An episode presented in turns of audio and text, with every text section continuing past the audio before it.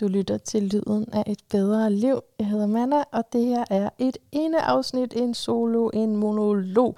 Og det betyder, at jeg taler til dig, som har været med mig igennem længere tid, helst.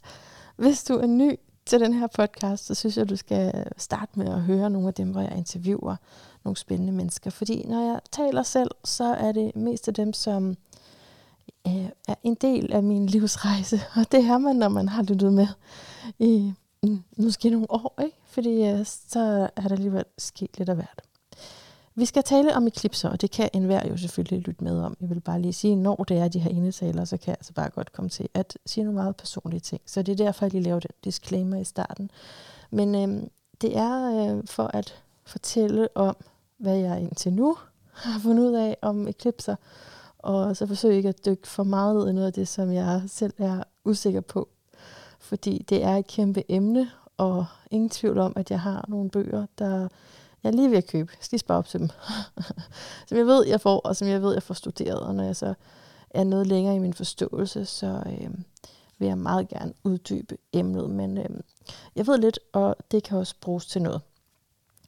Først vil jeg lige sige noget lidt interessant, synes jeg selv. Nemlig, at øh, jeg har fået en slags sponsor. Men det, er ikke, det bliver ikke uden din hjælp. Det er fordi, det er ikke sådan helt en sponsor, hvor sådan, Irma, endelig sagde de ja til mig. Nej, nej, nej. Øh, men øh, det er kommet i stand sådan, at der er et firma, som hedder Raw Organics. Og det er ikke noget kæmpe firma, det er to mænd. Men altså, jeg tror, de er feminister, så det er fint nok. Og øh, de, har, ja, de har lavet så det her Raw Organics, og øhm, jeg skal nok linke til det, fordi selve navnet, det kunne også lyde som en frisør i Holte, har jeg tænkt det. Man kunne sagtens havne på alle mulige andre hjemmesider, hvis man prøver at finde det. Men der er noget, der er vigtigt, du hører fra min mund, som jeg ikke kommer til at skrive. Okay? fordi det er sådan, for at de kan støtte mig, så skal du støtte dem. Det er faktisk sådan lidt ligesom det, vi skal snakke om med sol, måne og jord. Det er et stort samspil. Øh, af energier. Så det handler om øh, smertelindring, vil jeg mene, men øh, der er mange grunde til, at man bruger deres produkter. Det er CBD, olier, tabletter, cremer, altså den del af cannabis, som ikke er ulovlig. Det er sådan, jeg forstår det. det er ikke ulovligt, og det er heller ikke sådan sløvende, hvor du falder i søvn, hvis du lige har taget det, og du skal køre bil. Sådan er det slet ikke.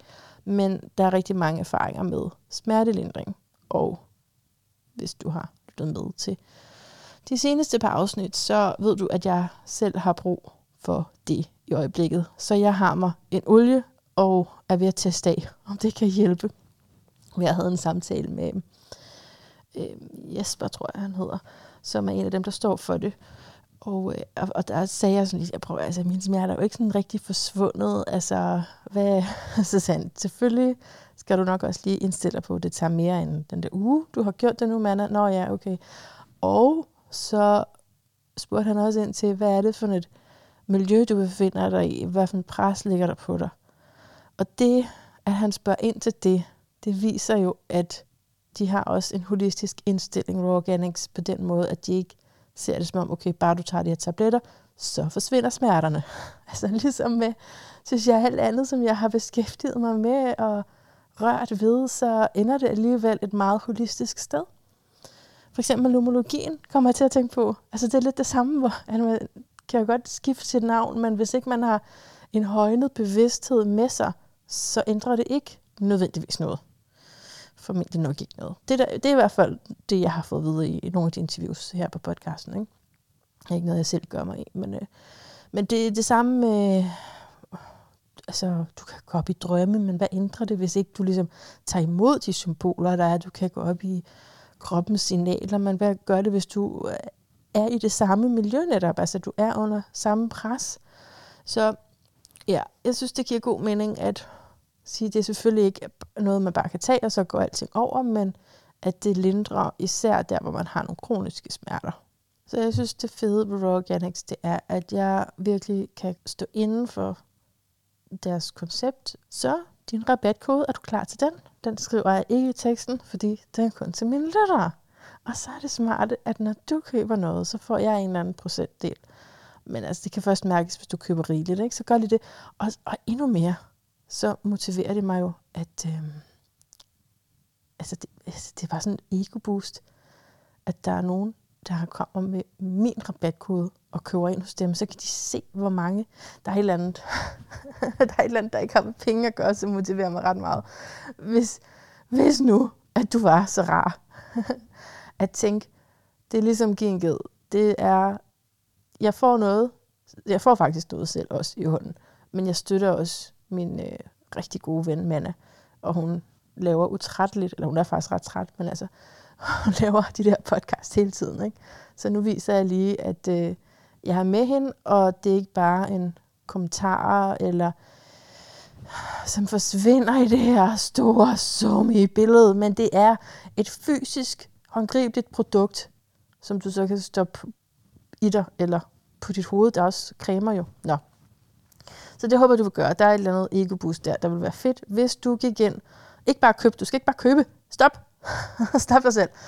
Du skal gå ind og vælge, hvad du vil have. Så står der en rabatkode, og der skal du skrive et bedre liv. Et ord. Okay? Et bedre liv. Ikke lyden af, men bare et bedre liv. Og så får du nogle procenter. Altså det bliver billigere for dig, det bliver godt for mig, det er godt for verden, det er godt for kroppen. Det er sådan. Nå, vi skal snakke om eklipser i dag. Og nærmere bestemt det, vi kan kalde en eklipsesæson. Og det er ret vigtigt at forstå, at når vi taler om astrologi, så ja, der er noget, der hedder, på den her dag sker der det og det, men der er også noget, der hedder, at det, der er mest virksomt, det, der er mest kraftfuldt, det tager tid. Og jeg kan rigtig godt lide udtrykket eklipse-sæsoner, så man ikke forventer, at det er nødvendigvis lige på fuldmåne eller lige på nymåne. Det kan det også være, men mange gange så kan der være startet en proces, som man næsten ikke registrerer, og så kommer effekten senere. Ja, jeg, jeg siger det, fordi i starten, da jeg begyndte at interessere mig for ikke bare fødselshoroskopet, men ligesom transitterne, det har været min vej ind i det. Jeg har hørt, det er mange, der gør, at man først ligesom bare er optaget af det natale, og så derefter begynder at tage mere det kollektive ind. Der var jeg meget bekymret over min manglende evne til at mærke alt det, som folk skrev om. Jeg var sådan, okay, er der den energi? Det har jeg, hvad har jeg ikke mærket. Og selvfølgelig kan der være noget om, at, at jeg skal øge min evne til at sanse det. Men samtidig så må vi bare sige, det udfolder sig ja, det udfolder sig for det første forskelligt horoskop til horoskop, hvordan det kollektive påvirker det enkelte. Det er selvfølgelig en ting. Men, men noget andet er også, at, øh, at det behøver ikke at være sådan, at du på dagen kan mærke det. Det kan jeg bare godt lide. Så er man ligesom fri af det, og man er ikke forkert, hvis man ikke kan mærke med kur retrograd eller noget af den stil. Altså, det, det er ikke nødvendigvis sådan. Og i det hele taget, så fungerer astrologi jo virkelig, virkelig godt retrospekt. Altså når man ser tilbage på noget. Og så det der med at mærke det imens, fedt hvis du kan, men jeg vil bare lige give dig en, en vej ud, hvis du ligesom mig ikke altid de kan det. Okay, men lad os komme til emnet med konkret en klipser. Så det du vil høre på den her er sådan set mine noter og frie associationer til, hvad eklipser er. Helt overordnet er det, når lyset blokeres. Så det kan være, at jordens skygge, ja, der er altså to muligheder, det kan være det her, det her, det Det kan være, at øh, jordens skygger, for at månen kan reflektere solens lys, og det kan være, at månen går ind imellem jorden og solen, og derfor blokerer for solens lys. Så i overført betydning handler det altså om, at der er en periode her, hvor vi bliver konfronteret med vores skygger, og hvor at der også ligesom er noget mm, meget kraftigere meget kraftfuldere end os, som beslutter og som aktiverer og som gør, at der ligesom vil være en kulmination på de valg, vi har truffet indtil nu. Der er noget andet, der tager over. Og så kan du kalde det guddommeligt eller en højere indgriben. Men det er i hvert fald øh, overnaturligt, som jeg forstår det. Eklipsesæsonen er i gang nu, Officielt den 19. november 2021, og igen den 4. december 2021 har vi eklipser. Man kan godt argumentere for, at det allerede startede den 4. november, hvor vi havde nymåne i skorpionen. den er ikke helt tæt nok på sydlig måneknud. Jeg skal nok forklare, hvad jeg mener med det her. Men den er ikke helt tæt nok på, for at den kan regnes for en eklipse. Men den er stadigvæk værd at bemærke, fordi ja, både fordi, at måneknuderne skifter tegn, det vil sige, i starten af det nye år og 18 måneder frem, der får vi eklipser i skorpion og tyr, og det var så, ja, det var i skorpionen, at det her, den her nye måne fandt sted, og Uranus lige overfor for det andet. Øh, som, altså, vi kan ikke rigtig forstå tyren for tiden, uden også at forstå Uranus og det her nye, som vil, øhm, som vil angå vores ressourcer, vores værdier. Og lige en disclaimer, inden jeg går helt i gang. Ikke? Eklipserne er noget, jeg isolerer nu, for at vi kan forstå dem. Men i virkeligheden, altså det er jo konstrueret. I virkeligheden så er astrologi og øh, vores, den energi, vi er i, den tid, vi er i, det, det er jo et samspil med alt andet, der også foregår. Okay? Så der er rigtig mange transitter. og Jeg ved ikke, om du kan huske der tilbage i 2020 i slutningen, hvor jeg talte med astrolog Sune Andersen om netop Uranus, om Uranus i kvadrat til Saturn. Øh, hele 2021 øh, vil det være i effekt, øh, men det har sådan tre datoer, 17. februar og jeg tror det er 16. juni, ja, 16. Juni, 15. juni 2021, og så juleaften 24. december.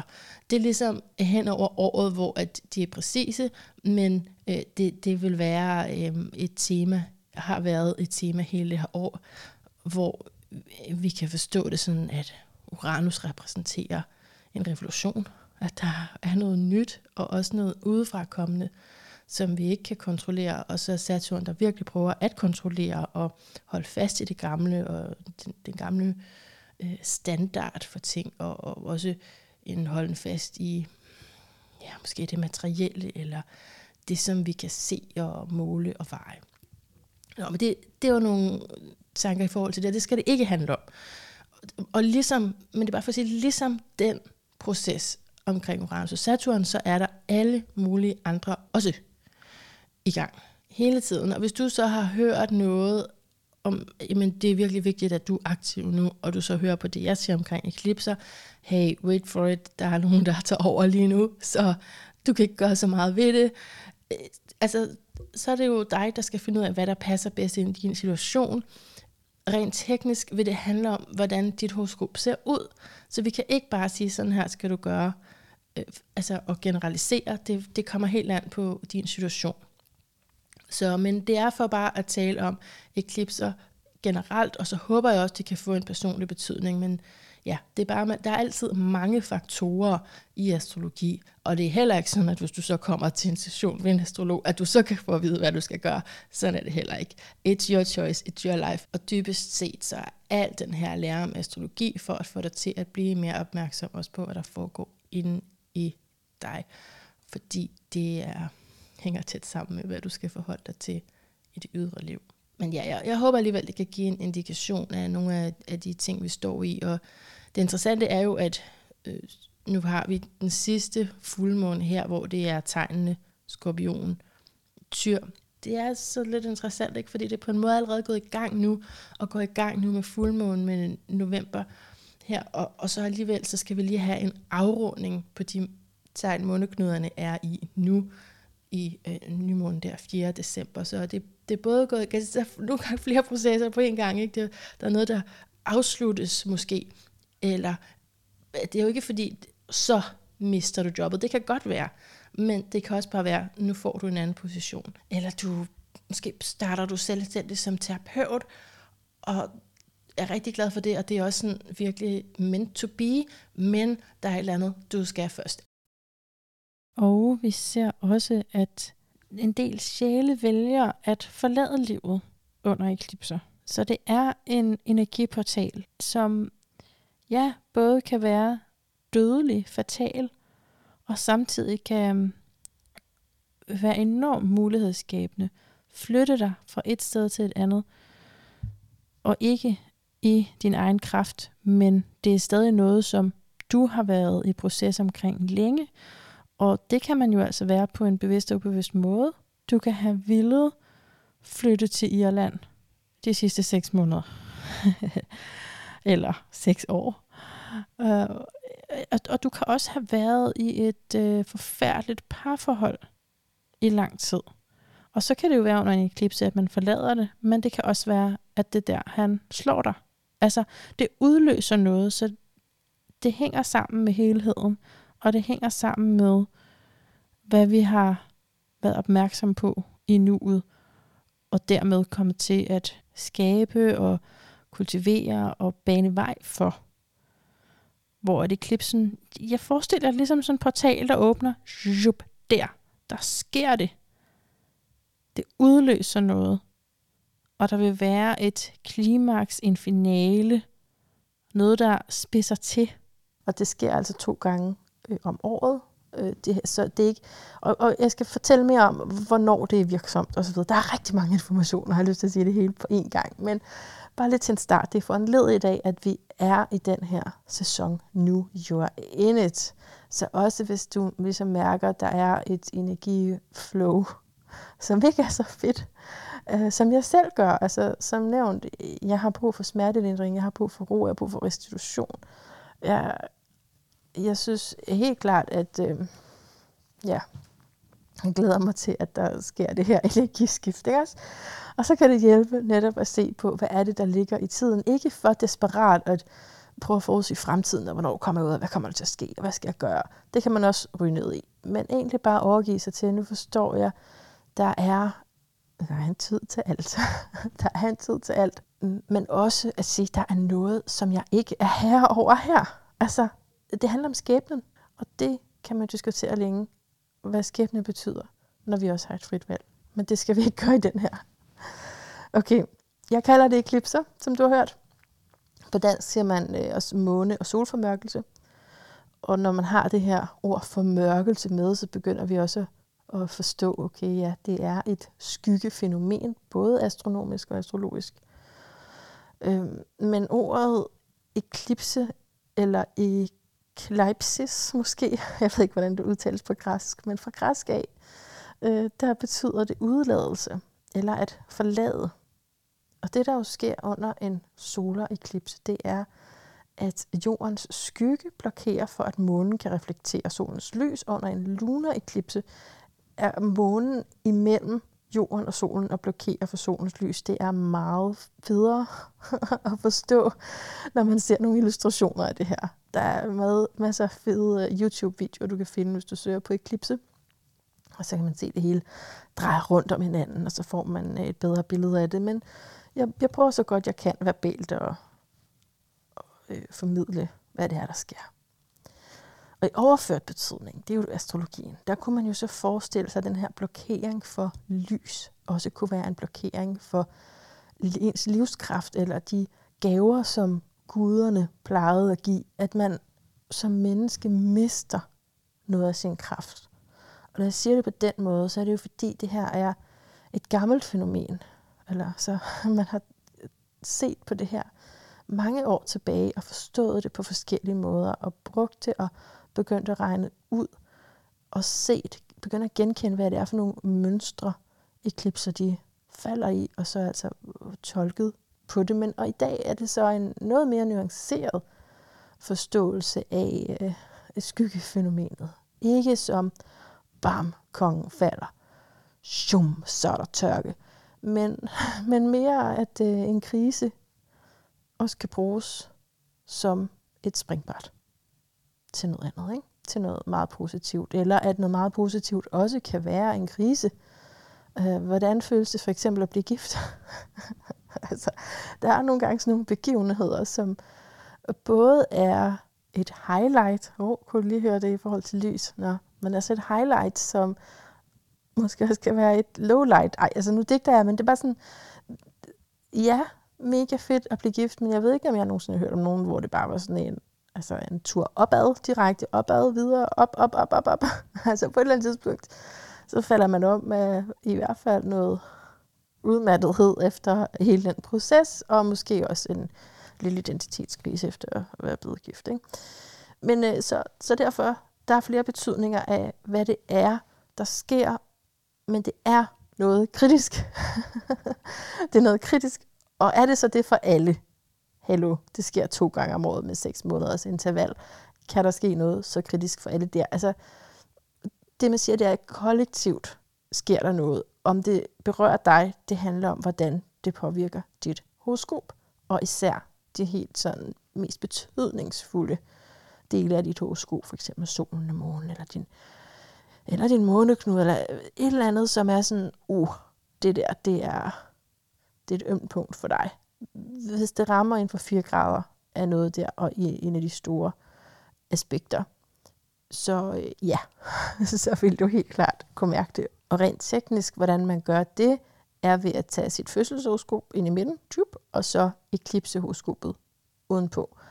Og måske faktisk endnu bedre ikke at gøre det til en start. Altså først kigge på eklipsehoroskopet og så se, er der noget af det, som falder i samme tegn som noget af det, jeg ved, jeg har. Og så kan du se på det bagefter, fordi ellers så kan man godt måske komme til at forveksle sådan en lille ting med noget, som ikke reelt giver noget, øh, nogen effekt. Okay, lad os komme lidt dybere ind i det tekniske. Så eklipser finder sted, når der er en nymåne eller en fuldmåne på måneknuderne. Og hvad er så en måneknude? Astronomisk refereret. Vi kommer til betydningsdelen. Astronomisk, sådan helt faktuelt, der er det krydspunktet af to ellipseformede omløbsbaner, nemlig solens bane om jorden set fra jorden geocentrisk, det vi kalder ekliptika, og så månens cyklus. Når de to baner krydser, der har vi måneknuderne. Det er, hvad det er, og det er et punkt, og ikke et håndgribeligt, en håndgribelig objekt, himmellegeme objekt. Det er et punkt, som betyder altså uendelig meget astrologisk set. Men så når solen og månen er helt tæt med den ene eller den anden måneknude, der er nordlig og der er en sydlig måneknude, så har vi en eklipse. Og grunden til, at vi ikke har eklipser hver måned, fordi vi har en nymåne, hvor månen er mørkest, og vi har øh, fuldmånen øh, 14 dage senere, hvor det bliver lysere og lysere, piker i fuldmånen, og så går det tilbage igen til nymånen. Det, det er noget, der sker hver måned. Ikke?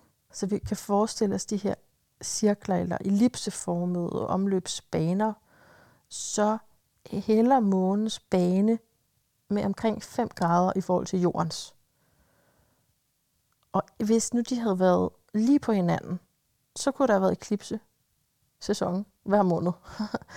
Fordi solens lys ville blive helt blokeret.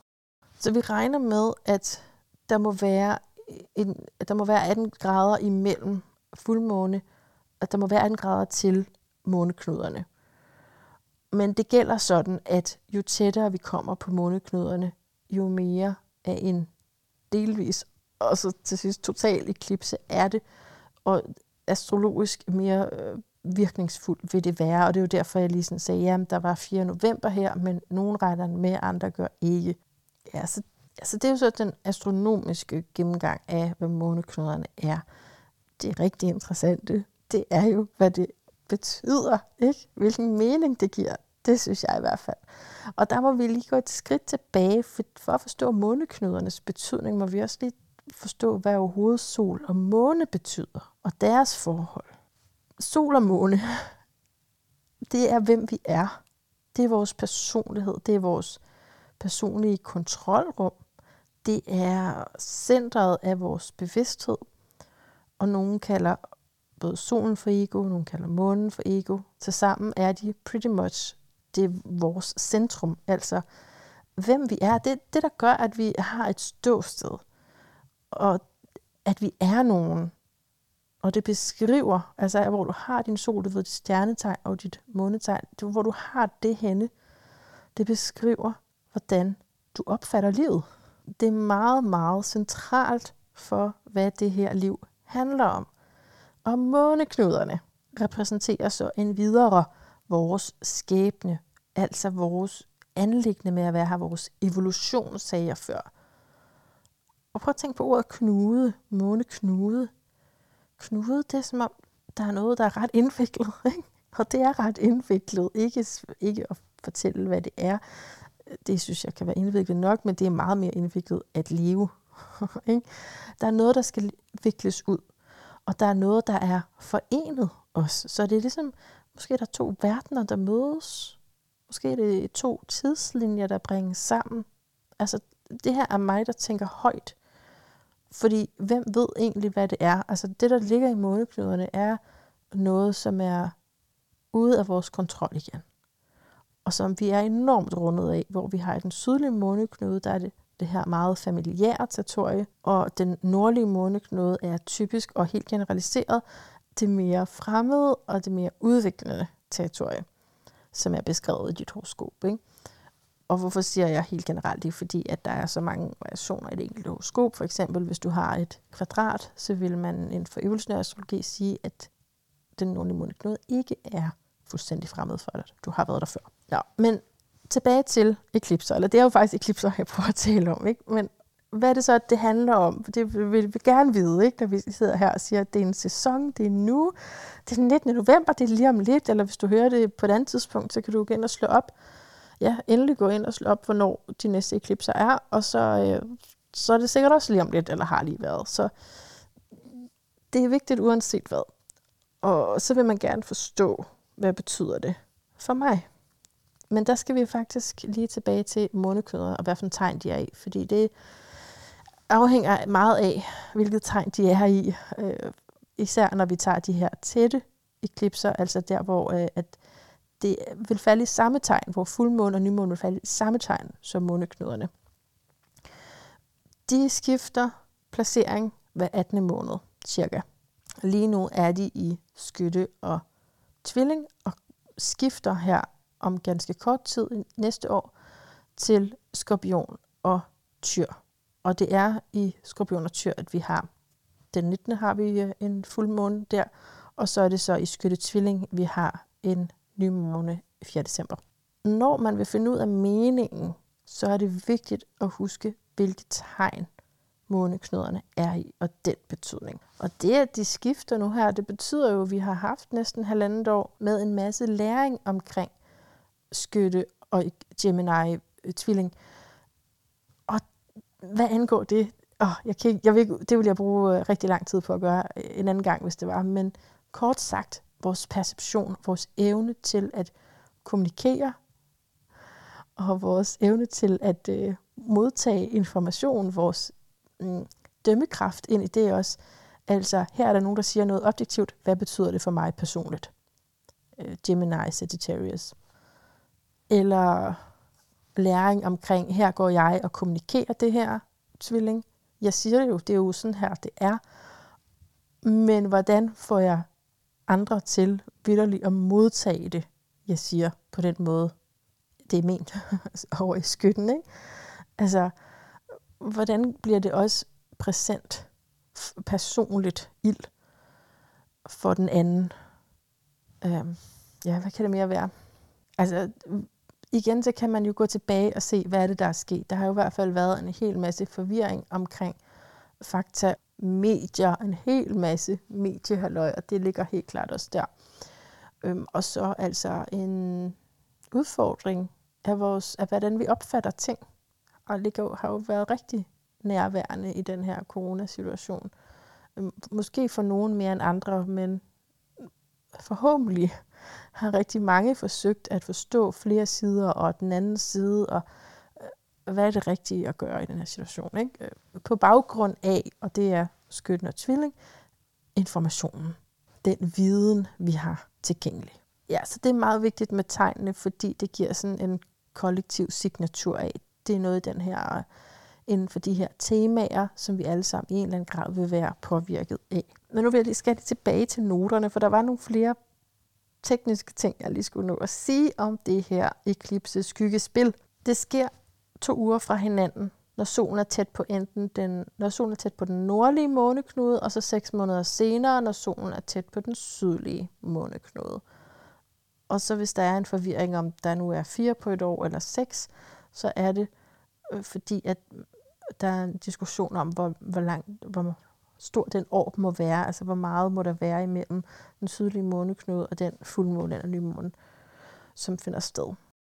Et andet mønster, som man med fordel kan lægge mærke til, det er graden eklipsen falder i fordi den gentager sig hver 19 år, skal du lige huske det, i 19 år, ikke? Eller bruge det mere retrospekt, altså når der er et eller andet, du gerne vil forstå på, okay, hvad var det egentlig, der stod på her det her år, og så gå 19 år tilbage, og så se på eklipse horoskopet der. Jeg ved godt, jeg, jeg, altså, jeg sidder ikke og taler med astrologer, og det er ikke, fordi jeg forventer, at du gør det her. Jeg fortæller bare, at det kan man gøre. Og det med de 19 år, det er det, der hedder den metoniske cyklus. Jeg vil lige læse noget op, fordi nu bliver det altså rimelig astronomisk, synes jeg. Metonisk cyklus, kronologi. En periode på 19 år, hvor der er 235 lunations eller synodiske måneder, hvor efter månedens faser gentages på de samme dage af sol, år eller år af årstidernes cyklus. Cyklusen blev opdaget af Meton, en athensk astronom. Beregning fra moderne data viser, at 235 lunations er 6.939 dage, 16,5 timer, 19 solår, 6 åh, oh, det er for meget. I hvert fald så er det det interessante, at der er noget, der bliver gentaget. Ikke? At den her grad går igen, og vi kan sætte det sammen med noget, der er sket tidligere. En videre, en sidste virkelig vigtig eklipse-viden, synes jeg, det er det, der hedder Saros-serien. Måske hedder det Saros-serie på dansk. Den er på lige omkring 18 år. Saros betyder gentagelser. Så der er tale om en serie, nogle gange refereret til som en familie, som blev opdaget tilbage omkring 400 år før vores tidsregning. En serie, som man kan se på som et træ. Den her analogi har jeg fra Bernadette Brady, som er rigtig god til det her med eklipser, en stor astrolog. Et træ, hvor den enkelte eklipse, altså det jeg taler om, der kommer nu her den 19. november, den 4. december for eksempel, det er ligesom et blad på træet. Så selve hele det her mægtige træ, det er serien, eller det er familien, som det her blad, den her eklipse, hører til. Og det kan man slå op, hvad det er for en, en serie, der vil finde sted. Altså, den har et nummer. Og det nummer gentager sig så i, i enten 1300 år, når det er solareklipse, eller når det er lunar eklipse, så i omkring 800 år. Og det interessante er, hvordan der er indkodet et unikt blueprint i hver serie. Det handler om noget. og det handler om dig. Fordi den mest interessante måde at øh, blive nysgerrig på det her på, ikke, det er jo, altså, synes jeg, det gælder alt astrologi, det her, hvordan påvirker det mig. Og det gør du, finder du ud af ved at finde din prænatale eklipse. What? Altså, den eklipse, ligesom nu, hvis du skal til at føde, ikke? hvis du føder 5. december, 6. december, så den prænatale for din baby eklipse, det vil jo være den 4. december. Og babyen vil så ud over det altså også kvalificere sig til at blive kaldt eklipse baby, at være født på en, hvilket gør, at din baby, som bliver til et voksen en dag, den her person, der er født på en eklipse, vil typisk få en større forbindelse til sin skæbne. At personen er, har en instinktiv forståelse af, at jeg er ment til noget stort. Jeg er ment til noget stort. Jeg, jeg skal virkelig noget her, og det skal vi alle sammen. Man kan du følge tanken om, at hvis du en sol ligesom er tættere på de der skæbne punkter, så vil du være mere informeret om det. Din personlighed vil være mere informeret om, at du virkelig er her for at gøre noget stort, men vi er alle sammen for at gøre noget stort. Nå. Tilbage til Saros-serien her. Ja, altså, jeg har jo været tilbage og kigget på min mange gange, og ja, så gik jeg så ned i en, et rabbit hole her, øh, fordi den eklipse, altså der ligger jo så både en solar og en lunar eklipse, før du blev født. Og den solar eklipse, som er min prænatale, altså den, der var før jeg blev født, og jeg er født i 86, ikke? Og der er ikke nogen, og i marts 86 er jeg født, og der er ikke nogen øh, i det år før. Så går man bare tilbage til 85. Okay, så det er bare den, der er tættest på din fødselsdag. Det kan godt være, at det er året før. Nå, men 12. november 1985, der er der en eklipse i Saras nummeret 152. Og det er 152, som falder her den 4. december også. I den eklipse. Så det synes jeg jo selv er meget interessant. Øh, fordi, hvad er det, de her prenatale kan?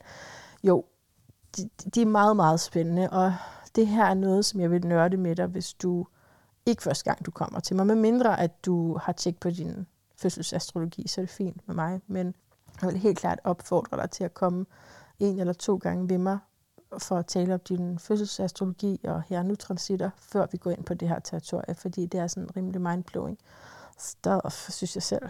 Men altså, så det, du kan bruge det til, det er at forstå, hvorfor du er her, basically. Altså, det er, det er så stort. Når du, det er ligesom sådan, du går tilbage og finder tråden, og, hvor, og der er tråden og tråden og tråden. Til sidst, der står du ved enden. Ah, det var der, det startede. Og det kan du både sige om din, den eklipse, før du blev født, og du kan også gå tilbage og finde selve starten på det nummer. Hvilket årstal startede den i? Og der kan jeg for eksempel se den lunar eklipse, jeg har, som er nummeret 126. Den startede 18. juli i år 1228. Og jeg kan se soleklipsen, den jeg nævnte, 152, som kommer igen her 4. december i 2021. Den startede i 1805, 26. juli. Det er ikke fordi datoen i sig selv siger noget. Altså, det, det, det, altså men når du så ligesom slår det op, og slår det præcise tidspunkt op, så du har et horoskop at arbejde med, så begynder det at blive meget, meget interessant. Fordi ja, det kan ligesom fortælle dig om energierne, som du har du er gået videre med, du er gået videre på. Hvad var det egentlig, du skulle udfolde? Hvor var det, du kom fra? Hvor var det, det her startede? Og det er jo ikke dig, når vi er tilbage så lang tid, som den, du ved. Det er jo ikke dit sol, sol og din måne, som vi lige beskrev, dit eget kontrolcenter, center af bevidstheden. Men det er din sjæl, ikke? Altså, og din sjæl har været andre personligheder. Den har været inde i andre kroppe og personligheder. Og der sidder stadigvæk noget der i den fra de erfaringer, og det er der, det bliver relevant for dig. Okay, så vi skal til at runde af, synes jeg. Jeg har druppet mig op med det der cannabis CBD noget, inden jeg skulle det her, og jeg ligger ned, fordi jeg har bare alt fundet at stå op. Så, men jeg kan godt mærke, nu skal vi, nu skal vi til lige at, at slutte af. Jeg har bare lige et par ting mere, okay? Det er meget vigtigt det her, synes jeg jo. Og husk nu, det er en eklipse-sæson, så det er altså ikke på selve dagen. Nu sagde jeg datoerne, fordi det er godt at vide. Men, men det, jeg prøver at beskrive som klimatiske oplevelser, hændelser, happenings, det kan sagtens være, at effekten først viser sig måneder senere, særligt hvis du har noget omkring der, hvor eklipsen falder den grad. Øhm, men du kan altid tænke over, hvilket hus det falder i for dig. Fordi nu før så sagde jeg med skytte og tvilling, det har, det har vi alle sammen. Vi har alle sammen det tegn et eller andet sted. Så hvor henne er det, ikke?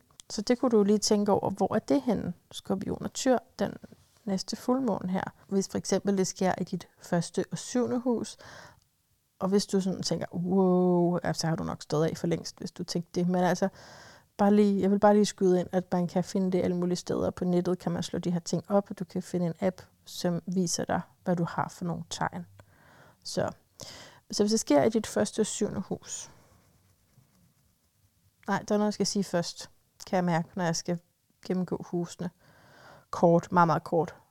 Så det interessante ved eklipsefænomenet er også,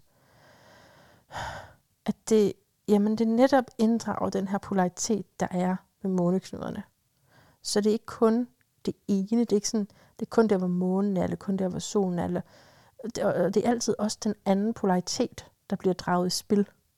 Det, det er meget interessant for hele forståelsen af astrologi, som noget, der hænger sammen i polariteter. Okay, så hvis det sker i første og syvende hus, så kunne man forestille sig, at du møder en partner. det kunne da være dejligt, ikke? hvis det er en god partner i hvert fald. Men det kan også være, at du beslutter dig for at gå fra din partner. Eller at det er noget, der sker med din partner, altså noget, han går igennem. af proces. Eller at der kommer ind, ind fra højre en ny form for rådgiver, en terapeut i det syvende hus, som øh, betyder noget for, hvem du er. Eller hvis eklipsen falder i dit andet og 8. hus, så kan det have med økonomien at gøre. Det igen kan det være din partners økonomi. Din partners økonomi, som så også vil gå ud over dig, eller ændringer i de, jeres ligesom, tryghedszone, det som penge repræsenterer. Ikke? Og det kan også være noget meget psykologisk, der er en game changer på en eller anden måde for dig. Øhm, så jeg, jeg gør det bare lige kort, bare for at man har en idé her om, hvordan det fungerer. Øh, tredje og 9. hus, hvis eklipsen falder der, kan det være, at du skal ud og rejse. Det vil være sådan meget bogstaveligt og lære noget nyt. Men tredje og 9. hus, det der, det der korrelerer til skytte og tvilling, så derfor er det egentlig lidt det, jeg også beskrev der med, at det kan udfordre vores overbevisninger på et meget dybt niveau i forhold til, hvilken information man får ind. Og med 9. hus, så kan det være, at man får noget information ind, som man har lyst til at undervise i. Det er noget, som giver en personlig mening. Man har lyst til at udgive det. Det kan være, at du ja, netop starter et eller andet, som bliver givet ud i verden, en bog, eller at du simpelthen lærer at kommunikere bedre. Du bliver bedre underviser. Og så er der så det der med, at 9. hus også kan være udlandet, og det kan være simpelthen lære et andet sprog. Altså, det er kun fantasien, der sætter grænserne her, ikke? Fordi det, det er virkelig oplevelser, de overvælder os altid som astrologer. De er sådan, oh, ja, det er det, der skete. Ikke? Så man har den her, det her baggrundskatalog af muligheder, men det vi så ser mennesker opleve, det er sådan noget, Nå, ja, men altså, det, skulle, det var det, jeg skulle have sagt, fordi det passer så godt på symbolik. Nå, fjerde og tiende hus. Uh, -oh, det er der, den falder for mig, så jeg tror lige, jeg knytter en kommentar tilbage efter. Nu gennemgår jeg lige husene. Fjerde hus, det er vores private liv. Tiende hus er vores offentlige, så det kan være, at du flytter, eller at der kommer ændringer i forhold til dit hjem og det, ja, det hjemmemiljø, du er knyttet til. Og det kan jo være, at du flytter, fordi du har fået et job et sted. Altså, okay, vent lige lidt. jeg flytter ikke. jeg flytter ikke. Hvorfor siger jeg sådan noget her, når det slet ikke kommer til at passe på mig? Nej, fordi, jo, prøv at høre, det kan også handle om dit indre hjem. Ikke? At det kan være, at øh, du får et job, som gør, at det påvirker det fundament af selv, som Fjerhus også repræsenterer. Så lad os lige den, lad den ligge lige nu, for nu kommer den lidt, lidt for tæt på. Femte og 11. hus, hvis eklipsen falder der, så kan det være, at du bliver involveret i en organisation, eller at du tager noget af det, som du dyrker i din fritid. Femte hus, noget af det, du bare gør for sjov, som du vil gøre selv, hvis du ikke fik penge for det, og så får du det ud i verden. Involverer dig der i en gruppe, måske noget politisk, øh, som, som du virkelig sådan brænder for os, ikke? så du gør sammen med andre. Jeg vil så mene, at det også kan have ret meget med kærlighed at gøre, fordi at femte hus også har romances i sig. Så ja, det kan jo så også igen være, at det er noget, der går over en eklipse. Ikke? Så hvis det er der noget, der går over, så kan det være, at du får mere tid til at være sammen med vennerne, 11. hus. Øhm, og omvendt så kan det også være, at du har været så engageret med de der venner, at du nu har brug for noget, som er for dig, og som kun er for sjov, og som kunne give sig til udslag, eller give sig til kende ved, at du, du møder en partner. 6. og 12. hus til sidste. Det har så med helbred at gøre, formentlig, og også hvordan arbejde virker ind på kroppen. Mm, det som vi har talt ret meget om i podcasten for nylig.